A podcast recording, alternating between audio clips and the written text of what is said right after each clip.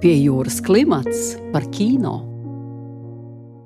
Esiet sveicināti pie jūras klimata klausītāji! Šopavasar, sākot jau ar 6. aprīli, 17. reizi norisināsies LKA Rīgas kinomuzeja un kinoteātris Splendid Palas rīkotais kinolektorijas Tas, ko tu nedrīkst nezināt. Klusuma tornis Veimāras republikā tapusi mēmā melodrāma par sievieti, kuru tēvs tur ieslēgt augstā tornī, līdz viņa izglābi tuvumā avarējuši dēkaini. Soma melodrāma mīlestības krusts par bākus uzraugu meitu, kam īsta mīlestība ir vienlaikus glābiņš un posts. Svešinieks trešajā stāvā, kas kino vēsturē iegājusi kā pirmais filmu no ārā Pagājušā gadsimta 80. sākuma filma Zudušo dvēseli pilsēta, kas pievēršas seksualitātes izpausmi pētīšanai Berlīnē, kā arī Signas Baumanes, Anetes Meleces, Dainas Krūmiņš, Rasas Strautmanes un Anetes Brūveres animācijas filmas. Šo kino plejādu vieno saistību ar Latviju. Tās ir filmas, ko veidojuši latviešu izcelsmes vai Latvijā dzimuši kino režisori, scenāristi un producenti – kuru darbība pamatā ir saistīta ar ārvalstīm. Tik dažādu periodu un žanru filmas dos iespēju runāt gan par Latvijas, gan kino vēsturi. Lektorija veidotāji programmā ir saglabājuši līdzsvaru starp autoriem, kas kino skatītājiem Rīgā jau varētu būt zināmi, un tiem, kas daudziem būs jaunatklājums. Šodien studijā viesojas LKA Rīgas kinomuzeja vadītāja Agnes Logina un kuratore Dats Čaure, kā arī Latvijas Kultūras akadēmijas pētniece, Rīgas Stradiņa universitātes docente un Nacionālā kinocentra vadītāja Dita Rietuma. Labdien! Labdien. Labdien. Jau pavisam drīz sāksies 17. Rīgas kinomuzeja lektorijas, tas, ko tu nedrīkst nezināt. Tāds ievērojams mūžs, Agnese, kurš bija pirmais lektorijas, pie kā tu darbojies? Es pirmo reizi sāku strādāt pie lektorija veidošanas programmas 15. Uh, gadā. Man liekas, apakštēm bija Eiropas kino lielvalstis. Esam skatījušies dažādas tēmas, ir bijuši par pilsētām, par neprātu, par varu, par to, ko nozīmē būt kopā.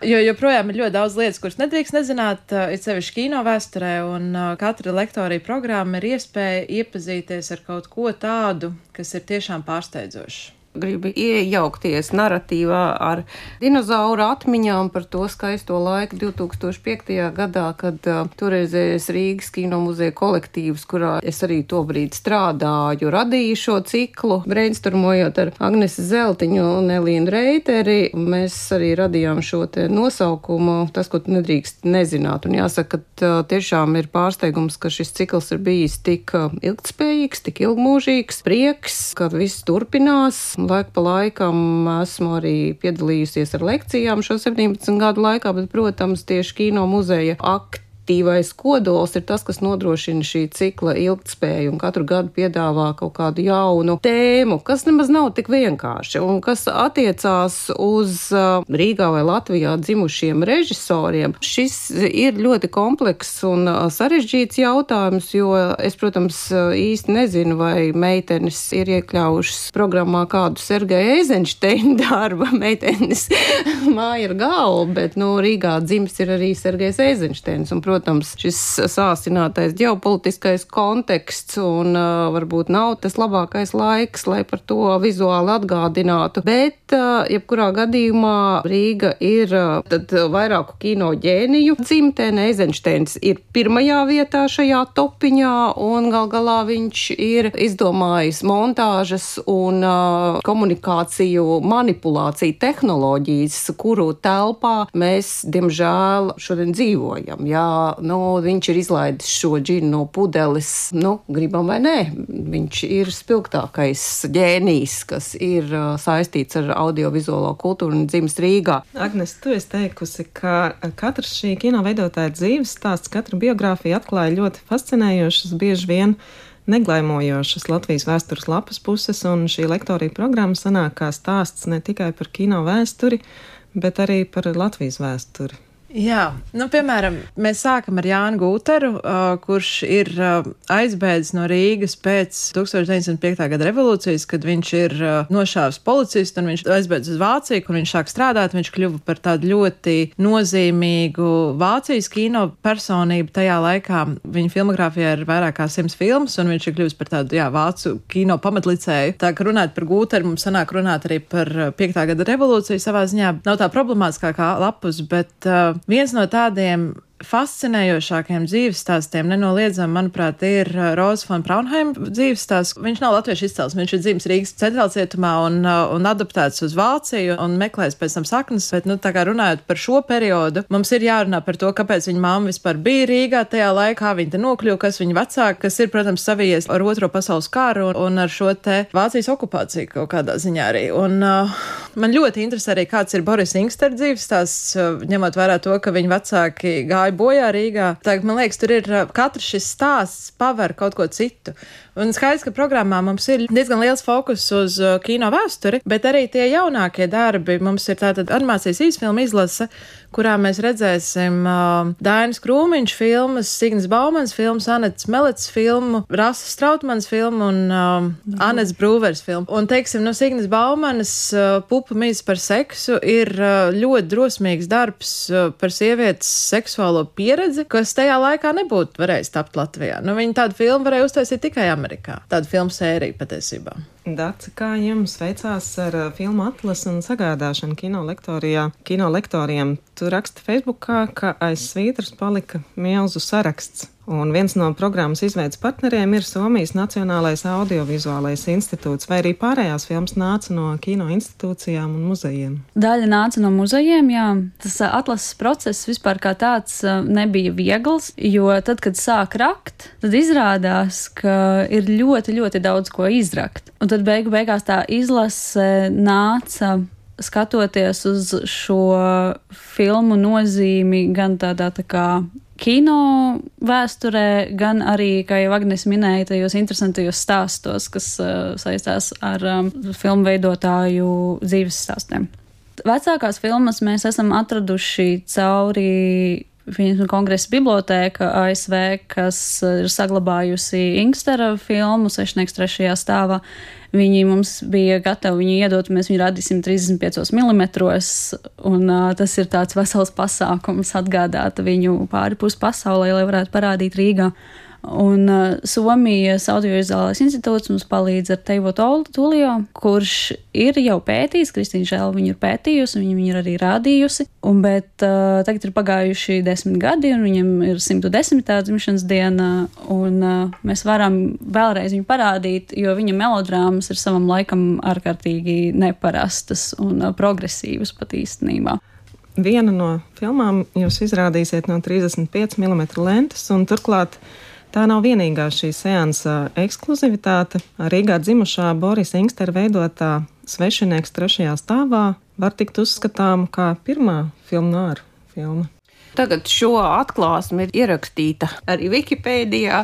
Tā kā ir pilnīgi skaidrs, ka Boris Singsters ir Amerikas latviešu izcelsmes režisors, kas ir aizsācis filmu no āra apakšžanru, amerikāņu kino, bet um, jāsaka, ka vēl pirms desmit gadiem par Boris Singsteru vispār neviens nebija dzirdējis, un pirms 14 gadiem arī es nebiju dzirdējusi, un uh, jāsaka, ka es šo personību atklāju rakstot savu disertāciju vai promocijas darbu.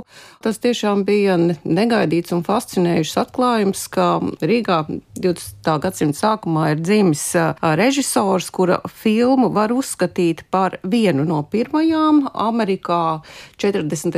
un 50. gados ārkārtīgi nozīmīgā un populārā nu, stilistiskā virziena filmu no āra darbiem. Jā, arī tas Singster dzīves stāsts ir ļoti interesants, cik nu par to vispār ir zināms zināms, jo, protams, līdzīgi Eizenšteinam viņš nokļuva Maskavā, revolūcija, pēc tam viss šī pēcrevolūcijas gaļmašīna un, un arī tas milzīgais māksliniecisko formu un izteiksmes līdzekļu sprādziens, kas tajā laikā bija mākslas telpā, un pēcāk arī te vienlaiks viņš ar Sergeju Eizenšteinu nokļuva Amerikā. Un tur sāka darboties kā scenārists, un pēcāk arī izveidoja trīs filmas kā režisors, un viena no tām ir aizsākusi filmu Noāra, kam pēcāk tulīt, tulīt pievienojās no arī tāda plaši atzīta filma kā Džona Hjūstona Maltas Vānaks un citas filmas. Bet, nu, ja mums vajag mēģināt, teiksim, pārdot vai promotēt šo te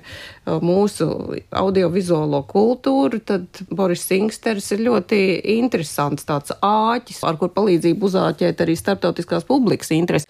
Un tiešām, paldies kino muzejam, šī filma Rīgā nekad nav rādīta, kur nu vēl no 35 mm ir rādīts, nu, profesionālā vidē, digitāli, bet ne publikai un ne no īstas filmas. Jā, brīnišķīgi. Svešinieks trešajā stāvā apvieno ietekmes no vācu ekspresionismu un padomju montāžu kino. Turklāt Ingsters ir bijis arī pazīstams ar Sergeju Eizensteinu. Kur un kā viņu ceļi bija krustojušies? Nu, Viņa ceļi krustojās arī Amerikā, tajā un pēcāk Meksikas periodā, kad faktiski Eizensteins strādāja pie savas Meksikas filmas, ko viņš tā arī nekad pats nepabeidz, jo viņam arī sekojot Staļina šantāžai bija jāatgriežās Krievijā, un tajā laikā tur bija arī šī saskarsme ar Borisu Inksteru. Jāsaka, ka materiāli par Borisu Inksteru ir ārkārtīgi maz, tad, kad es meklēju šos materiālus arī Amerikā, tad no nu, tās uh, viņa fotografijas ir uz vienas rokas pirkstiem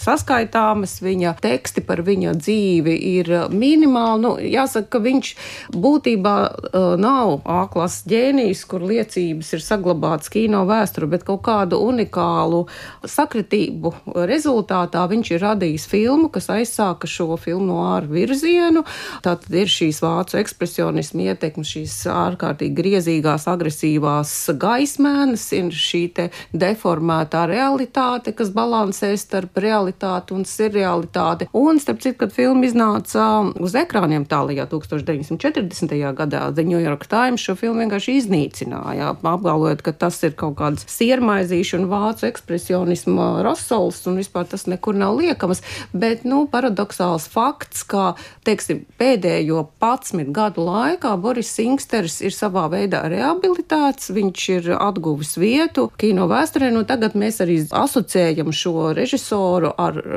vienu no uh, kinematogrāfistiem rīdziniekiem ar pasaules. Nu, Atskaņu, ja ne slavu, tad atskaņu. Ietekmi. Ietekmi. Ingsters ir sadarbojies ar ievērojamām kino personībām, ar mākslinieku Venu Nestu Poglējs un operatoru Nikolasu Musuraku, tomēr viņš ir režisējis tikai trīs filmas.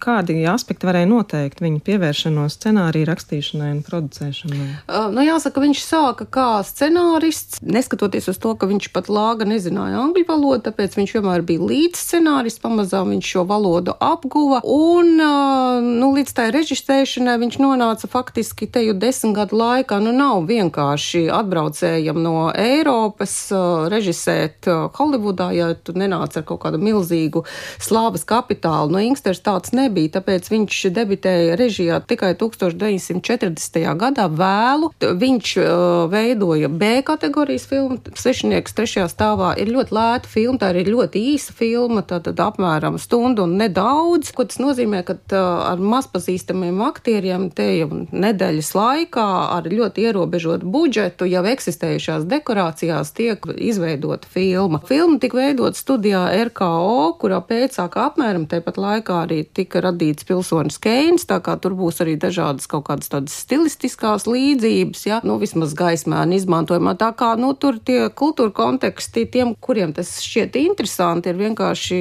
aizraujoši un ārkārtīgi, ārkārtīgi intriģējoši. Kāpēc pēc tam Inksters uh, izveidoja tikai vēl divas filmas? Nu, New York Times iznīcināja viņa pirmo filmu. Nu, viņš netika atzīts kā veiksmīgs režisors, nu, pēcāk vēl divām filmām viņam pietika resursa, un tad gan 50. gados viņš atrada zelta nišu televīziju, tātad Amerikā popularitāte guva jaunais medijs, kurš varēja pat izkonkurēt kino, vismaz Tolaik uz brīdi tā likās, un tur Inksters strādāja gan daudz un gan labi, producējot arī nu, diezgan populāras filmas. Kino lektorija jauno sezonu atklās uh, Johannesa jeb Jāņa Gūtera mēmā filmu Klusuma tornis. Pastāstiet, kā šī filma ierakstās uh, Vācijas tā laika kino ainā. Tā ir vairāk um, krimināla drāma nekā melodrāma. Nu, tur ir uh, abu šo elementu, man liekas, tas apvienojums. Tas ir uh, 1925. gads. Filma ir mēmā, kurai skaņu celiņš ierakstīts, tāpēc mēs varēsim iztēloties, ka viņa nāk līdz ar orķestri, ka mēs viņu skatām skatāmies 25. gadā. Šī ir eh, vienīgā digitāli restaurētā Gūtera filma, kuru mēs varam noskatīties kinoteātrī. Viena no lektorija filmām ir veidojis vācu kvīru kino režisors Roza Fon Pronheims. Iespējams, Latvijas skatītājiem viens no pazīstamākajiem šīs programmas autoriem, personībām. Pastāstiet vairāk par zudušo dvēseli pilsētu. Eh, zudušo dvēseli pilsēta var gadīties izaicinājums skatītājiem, īpaši šajā programmā.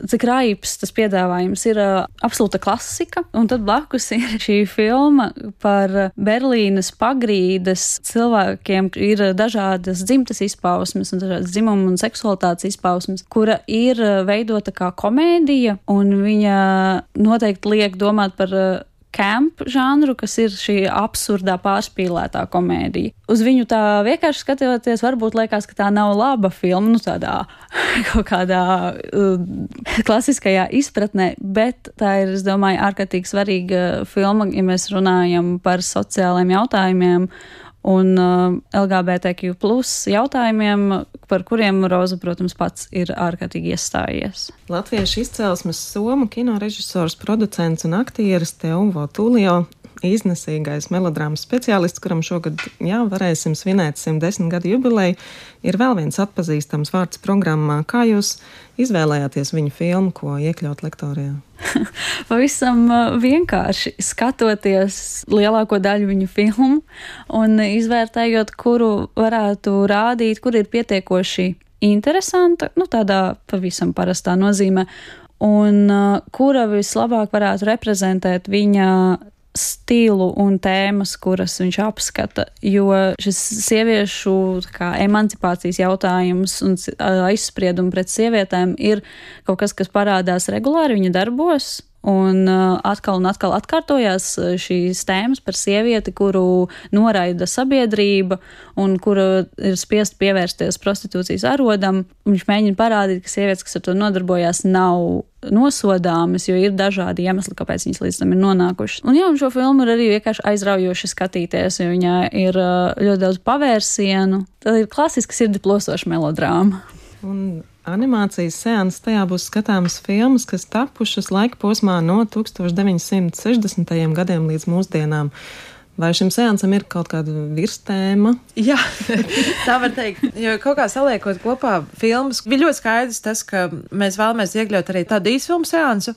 Un tad, kad sāku skatīties, kas ir tās īsfilmas, kuras ir veidojuši latviešu izcelsmes režisori, tad nu, visspēcīgākais formāts ir animācija, kas nav pārsteidzoši, protams. Un uh, saliekot kopā šīs animācijas īsfilmas, kuras ir uh, daudz kur redzētas, rādītas, kurām ir kaut kāda rezonance bijusi, arī atklājās, ka tās visas vieno tas, ka to režisors ir sievietes. Un tas man liekas ļoti interesanti, ka Latvijas animācijā ir rezonance pasaulē, to mēs zinām, par to mēs varam pārliecināties atkal šeit. Un tās filmas ir ļoti, ļoti dažādas. Ar, piemēram, Dainu Krūmiņš, Trīms Latvieti, viņas filmu es pat pirmo reizi sastapu kādā eksperimentālo filmu festivālā. Es par viņu pirms tam nezināju, es vienkārši ieraudzīju viņas uzvārdu filmu programmā un domāju, izklausās latviski. Un tas palasīt tālāk nu, izrādījās, jā, trims Latvijas. Un tad mums tālāk izrādījās tas ļoti pašiem interesants pārsteigums, ka mēs divu filmu kopijas atradām kinomuzē krājumā. Programmā ir iekļauts arī Anētas Melets kiosks, kas, nu, manuprāt, ir viena no pēdējo gadu populārākajām latviešu filmām. Es nezinu patiesībā, cik daudz kiosks ir apceļojis pasauli, bet man liekas, ka tā ir ļoti skatīta filma.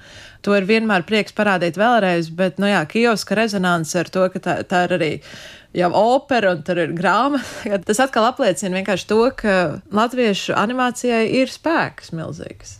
Paldies par sarunu. Studijā viesojās Dita Rietuma, Daca Čaure un Agnese Logina. Pie jūras klimata vadīja Sonora Broka un Monteja Judīta Bērziņa. Raidījums tapis ar valsts kultūra kapitāla fonda atbalstu.